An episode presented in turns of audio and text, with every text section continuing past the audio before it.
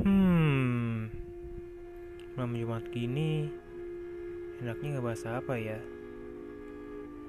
Tempat-tempat horor, angker, peninggalan zaman dulu, hantu, ataupun fenomena gaib lainnya. Semuanya akan dibahas dalam Misteri Horor Bandung.